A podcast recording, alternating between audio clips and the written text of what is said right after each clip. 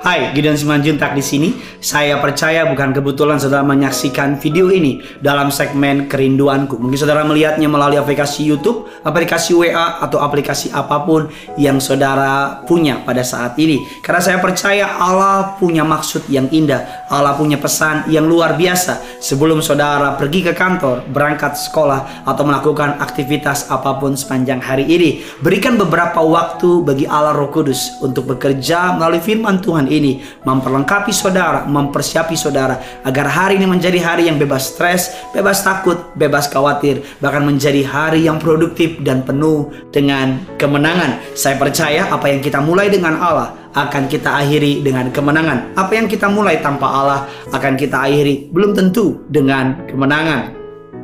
Firman Tuhan mengatakan hari ini kita membahas mengenai tema mata uang yang berlaku. Beberapa tahun yang lalu atas anugerah Allah saya bepergian ke sebuah negara di sebuah daerah di Timur Tengah dan saya membawa beberapa mata uang yang saya kira berlaku di tempat itu. Ketika saya datang ke tempat itu, saya beri uang itu tersebut dan ternyata orang tersebut bilang, oh, "Mohon maaf, mata uang ini tidak berlaku di tempat ini. Yang berlaku adalah mata uang yang ini." Tahukah saudara, dalam konsep kerajaan surga, surga memiliki konsep juga yang berlaku berlaku di kerajaan surga. Surga tidak lihat hartamu, surga tidak lihat uangmu, bahkan surga tidak menganggap kekayaanmu. Karena apa yang wah bagi dunia belum tentu wah bagi Tuhan. Apa yang signifikan bagi dunia belum tentu signifikan bagi Tuhan. Karena sering kali apa yang penting buat kita bagi Allah nggak penting. Hari ini kita akan bicara mengenai mata uang. Kita membuka dasar kebenaran firman Tuhan dalam Ibrani 11 ayatnya yang ke-6. Saya bisa lihat di sebelah kanan saya. Ibrani 11 ayat yang ke-6. Sudah di sana?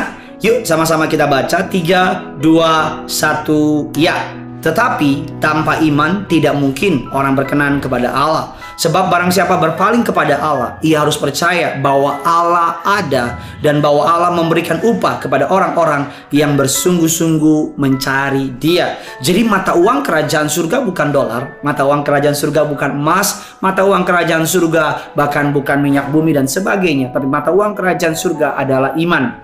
Ketika saudara berdoa meminta suatu perkara besar kepada Allah, saudara sedang diminta imannya kepada Allah. Kita mengatakan, jikalau anak manusia datang kedua kali ke muka bumi, adakah iman ia temui? Adakah iman dia jumpai? Sebelum saudara berangkat ke kantor, sebelum saudara pergi ke sekolah, miliki iman. Ini menjadi hari yang diberkati, hari yang penuh kuasa, hari yang penuh mukjizat, hari yang penuh dengan jawaban doa.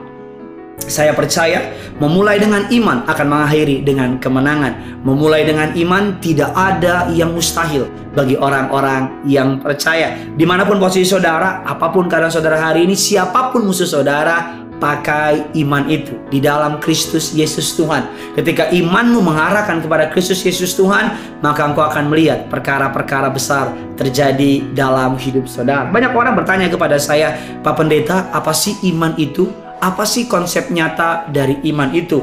Ibrani 11 ayat yang pertama mengatakan demikian iman adalah dasar dari segala sesuatu yang kita harapkan. Iman adalah bukti dari segala sesuatu yang tidak kita lihat atau yang tidak kita harapkan. Jadi ketika saudara punya iman, iman menjadi dasar dari pengharapan saudara. Didasari dengan iman, Kau akan membangun kehidupan-kehidupan yang penuh dengan perkara-perkara dan luar biasa. Bagikan kabar baik ini kepada teman-teman saudara, kepada kolega-kolega saudara, kepada kerabat-kerabat saudara. Dan mari sama-sama kita beriman. Sesuatu yang besar, sesuatu yang hebat, sesuatu yang luar biasa terjadi kepada setiap kita. Saya seorang ayah, saya percaya kalau anak saya meminta sesuatu dan dia percaya saya dapat melakukan sesuatu yang luar biasa itu, saya akan memberikan kepada anak itu. Terlebih Bapak kita di surga. Ketika engkau meminta perkara yang besar kepada Bapak di surga, engkau sedang menghormati Allah dengan permintaanmu.